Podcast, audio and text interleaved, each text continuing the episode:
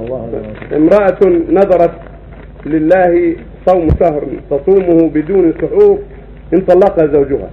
هل توفي بالنذر بدون سحور أم لا؟ إذا طلقها زوجها تصوم ولكن سحر لا ترك السحور أيوه. السحور سنة وقربة. الله يقول تسحروا فإن السحور بركة. فعليها أن تصوم وعليها أن تسحر. عليها السحور.